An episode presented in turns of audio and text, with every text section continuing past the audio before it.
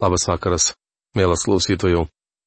Kaip esame pratę, toliau keliausime Biblijos puslapiais, Senuoju testamentu, giesmių giesmės knyga. Šiandien paskutinė mūsų kelionė šios knygos puslapiais. Apžvelgsime septintąjį ir aštuntąjį skyrius. Prieš pradėdami apžvalgą, paprašykime Dievo pagalbos suprasti, tai, ką jisai šiandieną mums paruošė. Dangiškasis Dieve, Tėve, dėkojame tau, kad dėl tavo sunaus Jėzaus Kristaus ir per jį mes galime prieiti prie tavo sosto. Dėkojame tau, kad tavo sostas yra aukštai danguje, o mes žmonės gyvename čia pačioje žemėje. Gyvename ir daugelis iš mūsų nesuprantame, kokia prasmė šio gyvenimo. Meldžiam, kad skaitydami tavo žodį, kuris apreiškia mums tavo mintis ir tavo troškimus mūsų atžvilgiu. Galėtume suvokti, suprasti ir padaryti teisingus pasirinkimus savo gyvenime. Tai šis vakaras ir šis laikas, kurį praleisime nagrinėdami tavo šventąją knygą, bus naudingas kiekvienai sielai, kurį dabar pasiryžo klausyti ir išgirsti tave. Meldžiu Jėzaus vardu. Amen. Taigi septintas ir aštuntas skyriai. Nuotakos portretas. Dešimt pirmųjų septinto skyriaus eilučių yra jaunikio susižavėjimo savo nuotaka išraiška. Jis apiberė ją gražiomis metaforomis. Haris Ironsidas rašo. Nuostabu žinoti, kad viešpats gėrisi savo žmonėmis kur kas labiau, negu mes kada nors gerėjomės juo. Vieną dieną mes galėsime džiaugtis juo tobulai. Vieną dieną jis bus mums viskas. Tačiau gyvendami žemėje mes nebranginame jo taip, kaip jis brangina mus. Jaunikio liaupsis nuramina nuotaką. Bendrystė atnaujinama. Nuotakos pasitenkinimas. Vienoje eilutėje jį pasako apie savo mylimąjį viską, kas svarbiausia. Aš priklausau mylimajam ir jis manęs geidžia. Gesmių gesmės knygos septintos skyriaus dešimta eilutė. Prieš tai jau du kartus girdėjome nuotaką sakant, manasis mylimasis mano, o aš jo. Tačiau Mūdis Stuartas atkreipia mūsų dėmesį, jog tai daug prasmingesnis ir gilesnis posakis. Nors jame išreikštas Kristaus širdies troškimas, šie žodžiai atskleidžia dar brangesnę tiesą. Tikintysis žino, kaip Kristus jo trokšta. Stuartas rašo. Aš žinau, sako viešpats, kad mastau apie tave gerą, o ne blogą. Viešpats žino savo mintis, tačiau tas, apie kurį jis masto, dažnai jų nežino, netiki jomis arba abejoja. Palaiminta siela galinti pasakyti, aš pažinau Dievo meilę, kurią jis man jaučia ir ją patikėjau. Mes, jo gailėšio objektas. Kokia nuostabi malonė. Artimiausias brolis. O kad būtų man kaip brolis, žindęs mano motinos krūtis sutikusi tave laukia išbučiuočiau ir niekas man nepriekaištautų. Giesmių giesmės knygos aštuntos kiriaus pirma eilutė. Brolis, žindęs mano motinos krūtis. Nebejoju, kad šioje eilutėje kalbama apie tikrą brolį, artimiausią giminaitį. Štai tokiu broliu mums yra tapęs viešpats Jėzus. Juk iš tiesų jam rūpėjo ne angelai, o Abraomo palikonis. Rašo Hebrajams laiško autorius antros kiriaus 16 eilutėje, kai jis kūnu tapo panašus į mus. Išbučiočiau ir niekas man nepriekaištautų. Daugelis tikrų tikinčiųjų bijo arba gėdijasi atvirai prisipažinti mylį Kristų. Mielas bičiuli, nesakykite, kad jį mylite, jei nemylite. Tačiau jei jūsų gyvenimas spinduliuoja meilę Kristui, kai apie jį prabilsite, žmonės jūsų neniekins. veščiausi tave, parsiveščiau į savo motinos namus į kambarį tos, kuri mane pagimdė. Duočiau tau gerti kvapaus vyno ir savo granatų sulčių. Giesmių giesmės knygos aštunto skyriaus antra eilutė. Duočiau tau gerti kvapaus vyno ir savo granatų sulčių. Stuartas rašė. Mes turime rodyti Kristui didžiausią vaišingumą, nieko jam negailėdami. Imkime iš jo ir neškime jam tai, kas geriausia. Tačiau galutinai šie žodžiai išsipildys kai prisertins savinėlio vestuvės ir jo nuotaka bus pasirengusi, kuomet Kristus gers naują vynmedžio vaisių savo tėvo karalystėje. Meilis silpnybės ramstis. Kas ten ateina iš dykumos, pasirėmusi į mylimąjį? Po obelimi žadinau tave, ten kentė gimdymo skausmą su tavimi tavo motina, ten kentė gimdymo skausmą, ta, kuri tave pagimdė. Gesmių gesmės knygos aštuntos kiriaus penkta eilutė. Pasirėmusi į mylimąjį. Galutiniam krikščionio gyvenimo etapui būdinga silpnybė, priklausomybė ir meilė. Jaunystėje mes kilome tarsi erelių sparnais, tai prašoma Izaijo knygos 40 skyriaus 31 eilutėje ir jo vėliava viršum mūsų buvo meilė. Suaugę nepavargdavome, bėgdami net tuo met, kai, anot Stuarto, sielvartaudami ieškojome jo Jeruzalės gatvėse. Tačiau artėjant senatvėjai mes vis labiau linkę remtis į Kristų, vaikiškai pasitikėdami. Kristus gali naudoti mūsų tarnavimą tik tuo met, kai mes iki galo suvokiame, jog esame nuo jo visiškai priklausomi ir be jo nieko negalime padaryti. Dėk mane kaip anspaudą ant savo širdies, kaip anspaudą ant savo rankos. Juk meilė stipri kaip mirtis, aistra nuožmi kaip šiolas, jos kaitra kaip ugnies kaitra, nenumaldoma liepsna. Gesmių gesmės knygos aštuntos skyrius šešta eilutė juk meilė stipri kaip mirtis. Mirtis tai meilės kaina, kurią reikėjo sumokėti viešpačiui Jėzui Kristui už pražuvusią žmoniją. Tačiau tai nesulaikė jo. Kristus mylėjo mus ir atidavė už mūsų save. Jis iškentėjo kryžių, nepaisydamas gėdos. Bet to dešimt tūkstančių kartų akis į akis su mirtimi buvo susidūrusi ir nužudytojo avinėlio nuotaka bet ji nebrangino savo gyvybės ir nebijojo mirti, kaip rašoma prieškimo knygos 12 skyriaus 11 eilutėje.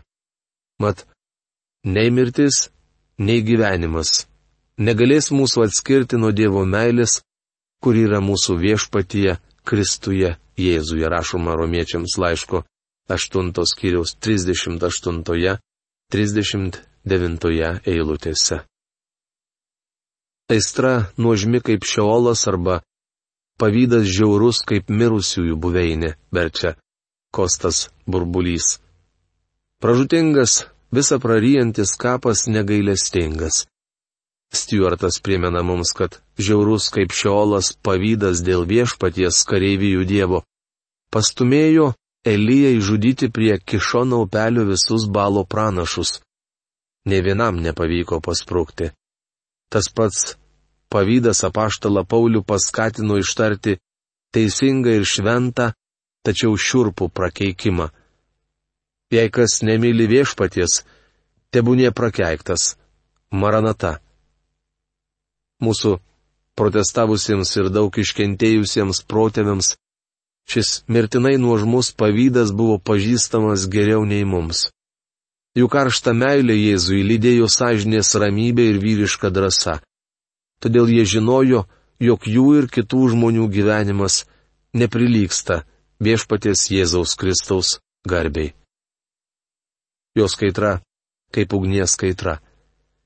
Tai primena mums apie meilę, kuri degė viešpaties Jėzaus Kristaus širdyje, kuomet jis sakė, uolumas dėl tavo namų sugrauž mane, tai prašoma Jono Evangelijos antros kiriaus 17 eilutėje.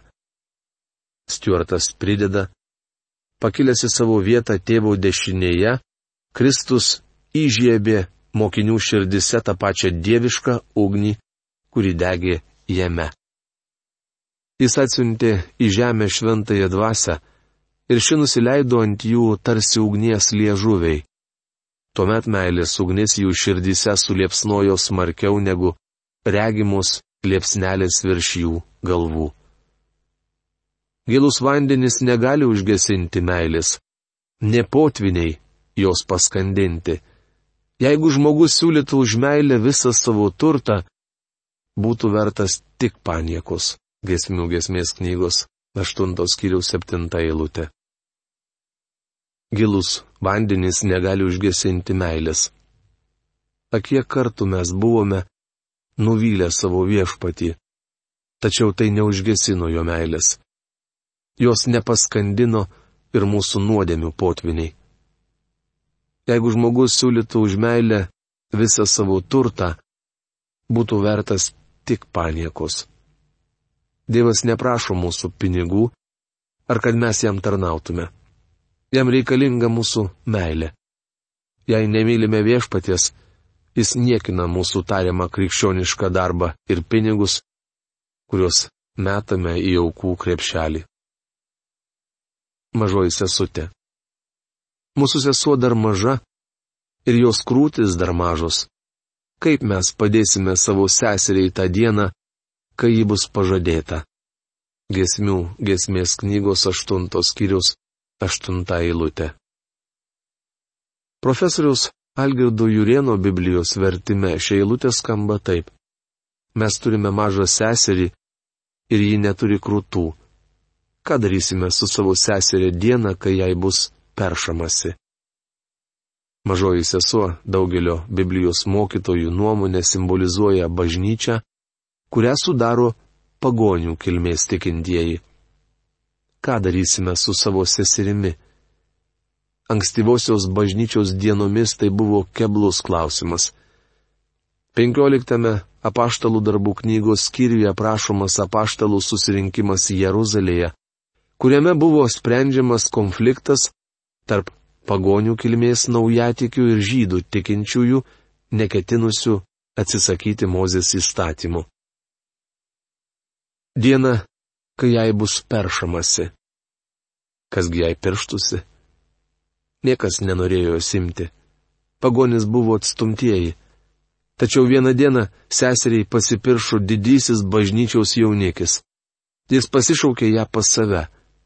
Bičiuli, Viešpats išsirinko mus ne todėl, kad mes labai patrauklus, o dėl to, kad mylėjo mus ir matė, jog esame beviltiškoje padėtyje ir pražuvę. Kristus priėmė mažąją seserį. Kaip į tai reaguos vyresniosios seserys? Jeigu į sieną statysime ant jos sidabro kuorus, o jeigu į durys, apmušime kedro lentelėmis. Gesmių gesmės knygos 8 skyriaus 9 eilutė. Jeigu į sieną statysime ant jos sidabro kuorus. Priimti Dievo, pagonys drauge su žydų kilmės krikščionimis. Statomi kaip Dievo buveinė dvasioje, tai prašoma Efeziečiams laiško antros skyriaus 22 eilutėje. Žydų kilmės tikintiesiems iškilo klausimas, kas turi būti ant jo statoma. Apipjaustimas, apėgos, įvairūs ritualai ir įsakai - jungas, kurio nepajėgė pakelti nei žydų tėvai, nei jų vaikai. Vyresniosios sesers jausmus išreiškė apaštalas Jokūbas. Manding į Dievą atsivertusių pagonių nedėra apsunkinti. Rašoma apaštalų darbų knygos 15 skyriaus 19 eilutėje. Jeruzalėje įvykusio susirinkimo dalyviai nutarė neversti pagonių tikinčiųjų laikytis Mozės įstatymo, bet priimti juos tokius, kokie jie yra, ir visais įmanomais būdais statydinti jų tikėjimą. Aš siena, o mano krūtis kaip bokštai. todėl jo akise radau tikrą ramybę. Gesmių gesmės knygos 8 skyriaus 10 eilutė. Mažoji sesuo džiūgauja. Pagonių kilmės tikinčiųjų bažnyčia gavusi gerą žinę dėl apaštalų nutarimo, apsidžiaugė paguodos žodžiais. Tai prašoma apaštalų darbų knygos 15 skyriaus 31 eilutėje. Jie džiūgavo, pripažinti esą Dievo šventyklos sieną. Tai didi privilegija. Vadinasi, jūs jau nebesate ateiviai nei svetimi, bet šventųjų bendrapiliečiai ir Dievo namiškiai, pastatyti ant apaštalų ir pranašų pamato, turintys kertiniu akmeniu patį Kristų Jėzų, ant kurio darniai auga visas pastatas, tampantis šventikla viešpatyje, ant kurio ir jūs esate draugės statomi kaip Dievo buveinė dvasioje. Efeziečiams laiško antros kiriaus 19-22 eilutės mano krūtis kaip bokštai. Mažoji sesuo, simbolizuojanti pagonių kilmės tikinčiųjų bažnyčią, netrukus užaugino daug sunų ir dukterų, maitindama juos tyrų Dievo žodžio pienu. Pagonių kilmės tikinčiųjų bažnyčia augo stebėtinai sparčiai. Tad jaunoji sesuo tapo gražesnė ir garbingesnė už vyresnėje. Šiame palyginime apie mažąją seserį yra žinia apie misionierišką veiklą. Mes su jumis turime suvokti, jog šiandien mažoji sesuo visus žemės tautos. Daugelėje pasaulio kraštų yra žmonių, neatsiliepusių į jaunikio kvietimą tik todėl, kad niekada negirdėjo jo balso. Apaštalas Paulius laiško romiečiams 10 skyriaus 14 eilutėje klausia. O kaip išgirs beskelbėjo? Vynogino perleidimas. Saliamonas turėjo vynogyną Balhamone ir patikėjo jį prižiūrėtojams. Kiekvienas už jo vaisius turėjo mokėti po tūkstantį sidabrinių. Gesmių gesmės knygos 8 skyrius 11 eilutė. Saliamonas turėjo vynogyną. Saliamonas simbolizuoja Kristų. Nuotaka - jungtinė žydų ir pagonių bažnyčia pasakoja vynogino istoriją. Iš pradžių jį prižiūrėjo pirmasis savininkas - Izraelio tauta, bet vėliau jis buvo pavestas nuotakos priežiūrai. Tai tas pats palyginimas, kurį Jėzus sakė Mato Evangelijos 21 skyriaus 33-46 eilutėse. Šeimininkas įveisė vynuogyną, sumūrijo aptvarą, įrengė spaustuvą, pastatė bokštą, išnuomojo ūkininkams ir iškeliavo į svetimą šalį. Atėjus derliaus metui, jis siuntė tarnus atsiimti savosios dalies, bet vieni tarnai buvo primušti, kiti nužudyti. Galop šeimininkas išsiuntė pas nuomininkų savo sūnų.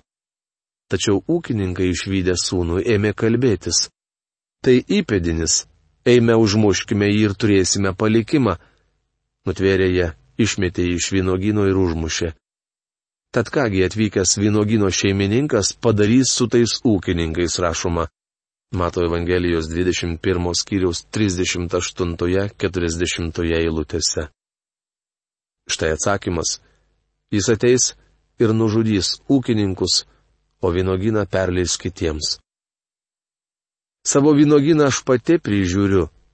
Tu saliamonai gali turėti tą tūkstantį, o vaisių prižiūrėtojai du šimtus. Gesmių gesmės aštuntos kiriaus dvylikta eilutė. Vaisių prižiūrėtojai du šimtus. Jie turi gauti atlygį už savo darbą. Taip ir viešpats yra patvarkęs, kad Evangelijos skelbėjai gyventų iš Evangelijos, prašoma, pirmame laiške kurintiečiams devintame skyriuje, keturioliktoje eilutėje. Tu saliamonai gali turėti sta tūkstantį, Priešingai, nei jos pirmtakas nuotaka žada atiduoti visas pajamas viešpačiui. Nors prižiūri vynogyną taip, tarsi jis būtų jos. Savo vynogyną aš pati prižiūriu. Istorija liudyja, kad būtent taip ankstyvoji bažnyčia prižiūrėjo vynogyną. Deja, šiandien matome kitokį paveikslą. Meldžiuosi, kad mes su jumis kaip Kristaus nuotakos nariai uoliai triūstume toje vynogino dalyje, kurią Dievas yra paskyręs mums prižiūrėti. Skubėk, mano mylimasis, būk panašus į gazelę ar jauną briedį, kvapiuosiuose kalnuose, gesmių gesmės 8 skyriaus 14 eilutė. Nuotaka sako vynogino viešpačiui - sugrįžk. Apreiškimo knygoje jos paskutiniai žodžiai skamba taip ateik viešpatė Jėzau. Bičiuli, nemanau, kad galite pasakyti tai nuoširdžiai, jei nepažįstate Kristaus, nemylite jo ir nedarote nieko, kad kiti jį pažintų. Ar galite pakelti akis į dangų ir ištarti, ateik viešpatė Jėzau, noriu, kad sugrįžtum. Paulius sakė, jog Dievas apdovanos tuos, kurie su meile laukia jo pasirodant. O su meilė laukti jo pasirodymo reiškia mylėti jį. Nuotaka laukia mylimo jaunikio sugrįžimo ir tam ruošiasi. Šios nuostabios knygos nagrinėjimą norėčiau užbaigti Herberto eilėmis. Ateiki pas mane, dabar aš dykumoj. Čia netrykšta šaltiniai ir žalios pievos nėra įkaitęs smėlis degina, troškina saulės šiluma, vis tiek ateiki, atneški savo delnuose man gyvojo vandens lašelį, kuris vienintelis išgelbėti te gali nuo amžinos kaitros. Per dykumą einu viena, matys tik saulė, vėjas, debesų banga, kaip smėlyje rašysiu tavo vardą ir ašrom palaistysiu kad jis pražystų gėlėmis. Taip trokštų aš išvyst tavas akis, vėl šauksiu ir tu man atsakyk, šiltų lietum, vaivorykštės spalva. Atneški viltį smėlio sukūrį iš ten, kur baigės dykuma. Ligbėjo blaškomas miltelė, aš nenurimsiu niekada. Skambės vėl iš širdies ištryškę žodžiai. Aš myliu, nors dar niekad nemačiau tavęs. Šiais žodžiais noriu ir užbaigti šios knygos apžvalgą. Iki greito susitikimo. Sudė.